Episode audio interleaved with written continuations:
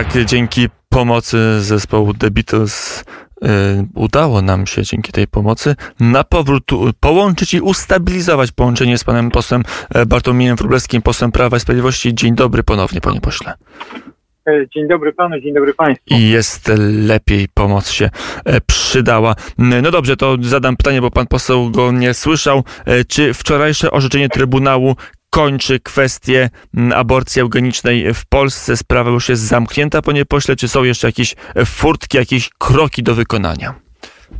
E, to orzeczenie e, właściwie należy rozpatrywać e, na trzech płaszczyznach. Pierwsza dotyczy rzeczywiście sytuacji prawnej w Polsce. Otóż Trybunał Konstytucyjny uznał praktyki eugeniczne w okresie przed urodzeniem dziecka, w okresie prenatalnym za niekonstytucyjne, naruszające prawo do życia i godność człowieka, czyli artykuły 38 i 30 Konstytucji. W momencie opublikowania tego orzeczenia ten przepis, który pozwalał na aborcję eugeniczną, e, przestaje obowiązywać, można powiedzieć, zostaje wykreślony z systemu prawnego. I tutaj ustawodawca nie musi czynić już żadnych e, działań. E, natomiast e, Trybunał Konstytucyjny, zgodnie z tym, co zresztą od trzech lat przy każdej okazji powtarzaliśmy, jako, ja jako wnioskodawca, e, my jako posłowie, którzy się pod tym e, e, projektem podpisaliśmy, zespół, zespół Życia i Rodziny pod kierownictwem pana posła Piotra Uścińskiego, że mm, ochronie życia musi też towarzyszyć pozytywne działanie ze strony władzy publicznej, rządowej i samorządowej, że trzeba mm, dodatkowych programów wsparcia dla kobiet w najtrudniejszych ciążach, e, tam gdzie jest e, zagrożenie, zagrożenie w szczególności właśnie chorobą czy niepełnosprawnością dziecka, tym bardziej jeśli jest zagrożenie zdrowia czy życia matki, to jest oczywiście naturalne, ale także pomocy dla osób, e, dla osób niepełnosprawnych. To jest jakby taki pierwszy wymiar tego orzeczenia, czyli z jednej strony eliminacja aborcji eugenicznej w Polsce, z drugiej strony y, przypomnienie, zaktualizowanie obowiązku y, y, państwa, władzy publicznej i tej rządowej, i tej lokalnej, żeby więcej zrobić dla, dla rodzin i dla osób niepełnosprawnych. To są te trzy wymiary orzeczenia, to ten pierwszy... To jest pierwszy to jest pierwszy wymiar. To jest, o, to pan poseł się dopiero będzie rozwijał. To przy tym pierwszym wymiarze e, czysto polskim zostańmy to tym czysto prawnym. Pozostawmy te e, kwestie wspierania materialnego rodzin, które też Trybunał zasugerował. Kwestia tych dzieci, które nie cierpią na zespół Turnera czy zespół Downa, czyli takie schorzenia, z którymi spokojnie można żyć i cieszyć się życiem, zawierać związki małżeńskie i żyć jak w zasadzie każdy inny obywatel Rzeczpospolitej, ale takie przypadki traumatyczne i tragiczne, jak, jak bezmózgowie, jak inne schorzenia, które de facto powodują, że e, takie dziecko czy płód zaraz po urodzeniu e, przestaje e, funkcjonować, przestaje żyć. Czy to także jest objęte tą poprawką, czy tego typu schorzenia także będą powodowały, że dziecko będzie musiało być donoszone i urodzone, panie pośle?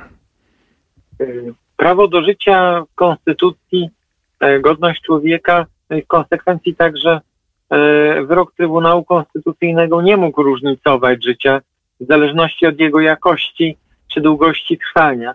No bo jeśli przyjęlibyśmy taką logikę, no to konsekwentnie e, pojawia się pytanie nie tylko o e, najcięższe przypadki niepełnosprawności w okresie ciąży, ale także o najciężej chore osoby niepełnosprawne. Podobnie jest z chorobą. Natomiast y, im cięższe, im poważniejsza choroba, im cięższa niepełnosprawność, tym y, y, mocniejszy, tym istotniejszy jest ten obowiązek państwa, żeby znaleźć sposób, żeby w tej sytuacji pomóc. Udzielić wsparcia medycznego, psychologicznego, finansowego matce w okresie prenatalnym, rodzinie po urodzeniu się dziecka, czy tej osobie, która z takim jakąś sprzężoną, e, ciężką niepełnosprawnością żyje przez całe życie. Mm, panie pośle, z drugiej strony pozostają dwie inne przesłanki.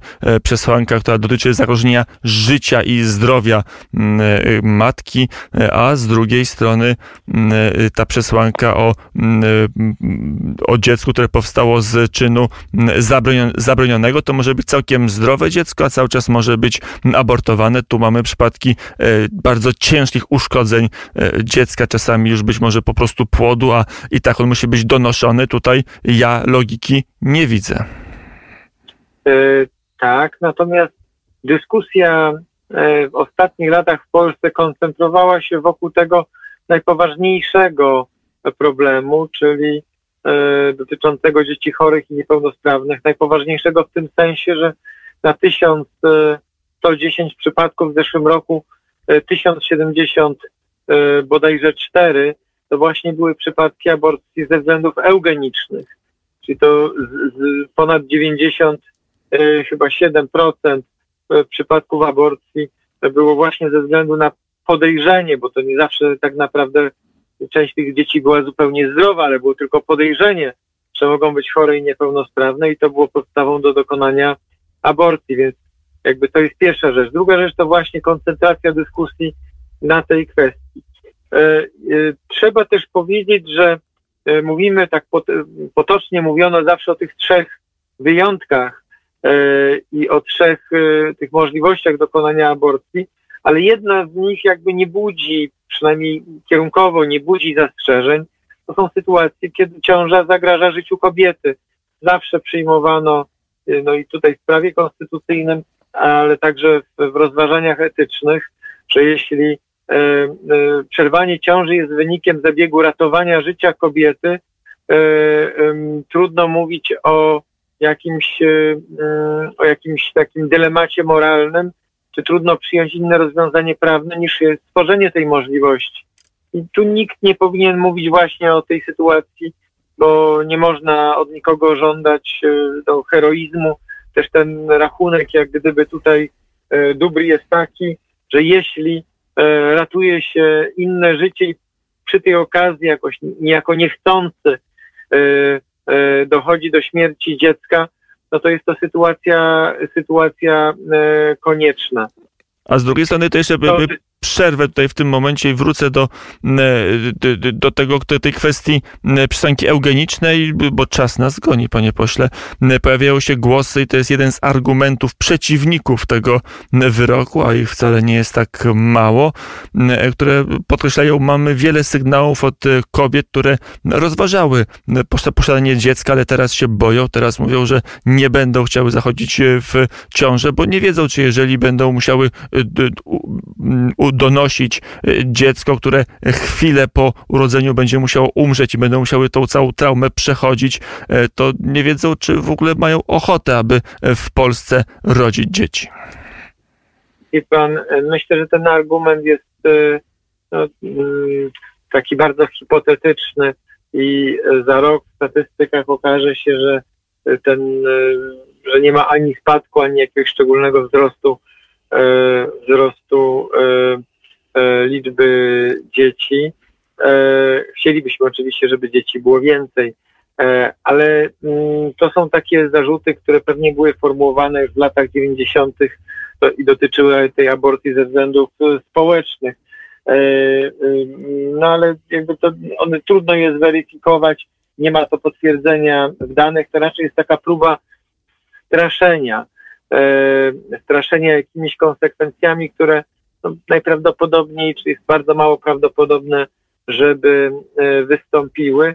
Też budowania takiego napięcia, e, troszkę środowiska radykalnej lewicy, środowiska feministyczne wykorzystują tę sprawę do wojny, którą prowadzą, wojny kobiet z mężczyznami, bo wydaje im się, że jeśli taką wojnę się wywoła i będzie się ją prowadzić, to osiągnie się jakieś korzyści polityczne czy środowiskowe, a my raczej e, nie, po pierwsze nie prowadzimy tego rodzaju działań. My, to znaczy myślę nawet, nie, tylko, nie, nie myślę nawet w kategoriach politycznych, ale kulturowych. Przecież nie chcemy w Polsce żadnych wojen e, między kobietami i mężczyznami. Nie ma takich wojen. To jest jakiś konstrukt taki e, lewicy, który pozwala jej być potrzebną żeby toczyć nieistniejące konflikty. Raczej my musimy budować współpracę. No i tak się przecież dzieje codziennie w naszym życiu, w naszych rodzinach, w naszych małżeństwach, w naszych związkach. Raczej szukamy tego, co łączy, szukamy współpracy, kooperacji, miłości, przyjaźni, a nie nie robimy tak, jak to się dzieje właśnie w tej filozofii radykalnej lewicy, żeby jednych nastawiać przeciwko drugim. To jeszcze aspekt prawny. Jeżeli lewica, bo to już głośnie, głośno zapowiada, e, chciałaby porządek prawny w kwestii aborcji, w kwestii zakresu ochrony życia zmienić, to co musiałaby zrobić, na ile ten wyrok gwarantuje od wczoraj obowiązujący stan prawny? No, jakby to, tak e, jeśli chciano by zrobić coś tak e, zgodnie z regułami sztuki prawniczej, czyli pomijam sytuacje rewolucyjne, to właściwie należałoby zmienić konstytucję. A to oczywiście jest trudne, więc ta gwarancja konstytucyjna, tym gwarancja prawna ochrony życia jest w Polsce bardzo silna, no bo właśnie potwierdzona wyrokiem Trybunału Konstytucyjnego. Więc tylko jeśli nie uda się zmienić konstytucji, a to jest zawsze bardzo trudne, E, to trzeba było przeprowadzić rewolucję. Natomiast wydaje mi się, że jedno i drugie jest mało prawdopodobne, ale to nie oznacza, że my powinniśmy się zadowolić e, tym, tą sytuacją. Musimy po pierwsze pomóc osobom niepełnosprawnym, kobietom w najtrudniejszych ciążach. Po drugie, prowadzić działania edukacyjne, wychowawcze poprzez szkoły, e, działania informacyjne przez media publiczne, pokazując na przykład, że już od 6 E, tygodnia bije e, serce dziecka i że można to usłyszeć, pokazując ludzi niepełnosprawnych, ludzi słabszych, chorych e, w różnych rolach społecznych, filmach, żeby pokazać, że jest to element naszej rzeczywistości, naturalny element naszej rzeczywistości. Bo czasem rzeczywistość telewizyjna, medialna jest taka żurnalowa, opowiada o tylko pewnym wycinku świata, a telewizja powinna, w szczególności media publiczne, poka powinny pokazywać, jaki świat jest i że osoby niepełnosprawne, osoby chore są takimi ważnymi e, e, członkami naszej społeczności, należy im się szacunek, ale też należy im się normalne traktowanie, bo wielu z nich takiego traktowania oczekuje. E, a aspekt polityczny na koniec poruszmy. E, skala protestów e, i tych w rzeczywistości bardzo burzliwych w Warszawie, najpierw pod siedzibą pana partii, potem pod domem Jarosława Kaczyńskiego i tych w sieci pana zaskoczyła, czy nie? I na ile może to pokazywać, że taki wyrok będzie miał efekt, o którym się, którego się obawiało część polityków Prawa i Sprawiedliwości, efekt wahadła, że za parę lat lat przyjdzie i to w istotnej większości e, taka grupa polityczna, która e, bardzo mocno zliberalizuje e, prawo aborcyjne, tak jak to już było w latach 90. taka próba podjęta przez SLD wprowadzenia i, i funkcjonująca przez chwilę aborcji ze względów społecznych. Taka, taka próba była też podjęta dwa lata temu, był społeczny społeczna inicjatywa Wandy Nowa, Nowackiej, o, o ile pamiętam, zebrano kilkaset tysięcy podpisów i takie próby będą podejmowane. Natomiast e, jeśli my przestaniemy e, czynić aktywne wysiłki na rzecz obrony prawa do życia e, w tych różnych aspektach, o których dzisiaj mówiliśmy, to my kiedyś możemy tę walkę przegrać, ale przegramy ją wtedy, kiedy to my zrezygnujemy z tego, żeby być tą stroną, która bardziej zabiega, bardziej się stara. Kiedy my powiemy starczy, to wtedy ktoś inny przejmie, ktoś inny przejmie przejmie inicjatywę w tego rodzaju dyskusjach.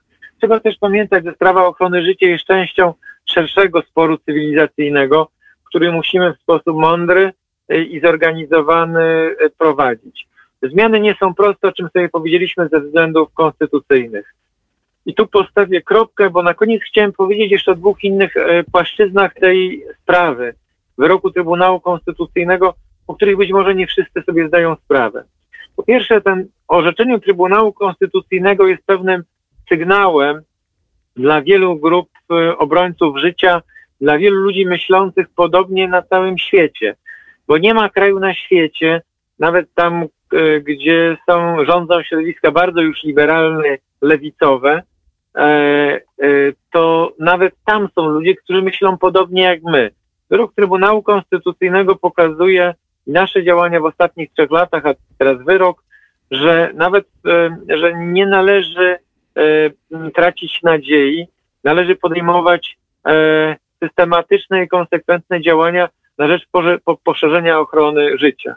I trzecia płaszczyzna to jest, jest związana z tym, że nasz wniosek do Trybunału Konstytucyjnego, którego byłem inicjatorem, ale nad którym pracowało bardzo wiele osób i tutaj się wiele osób do tego w różny sposób dołożyło, staje się też elementem w dyskusjach prawniczych. Jest zaproszeniem innych sądów konstytucyjnych, także w tych państwach, gdzie doszło do daleko idącej liberalizacji e, prawa aborcyjnego, wprowadzenia eutanazji, czy, e, inny, czy różnych praktyk eugenicznych na etapie selekcjonowania zarodków, do rozważenia tego, czy można także w innych państwach, innych, w ramach innych konstytucji, w ramach aktów prawa międzynarodowego pozostawiać nienarodzone dzieci bez odpowiedniej ochrony prawnej. I to jest aspekt, na którym musimy naszą rozmowę zakończyć. Gościem popołudnia wnet był pan poseł mm, i doktor, także prawnik Bartłomiej Wróblewski, e, poseł Prawa i Sprawiedliwości. Panie pośle, dziękuję bardzo za rozmowę. Bardzo dziękuję i dobrego popołudnia i weekendu. Mm, e, również panu posłu życzymy i e, panu posłowi życzymy i do usłyszenia.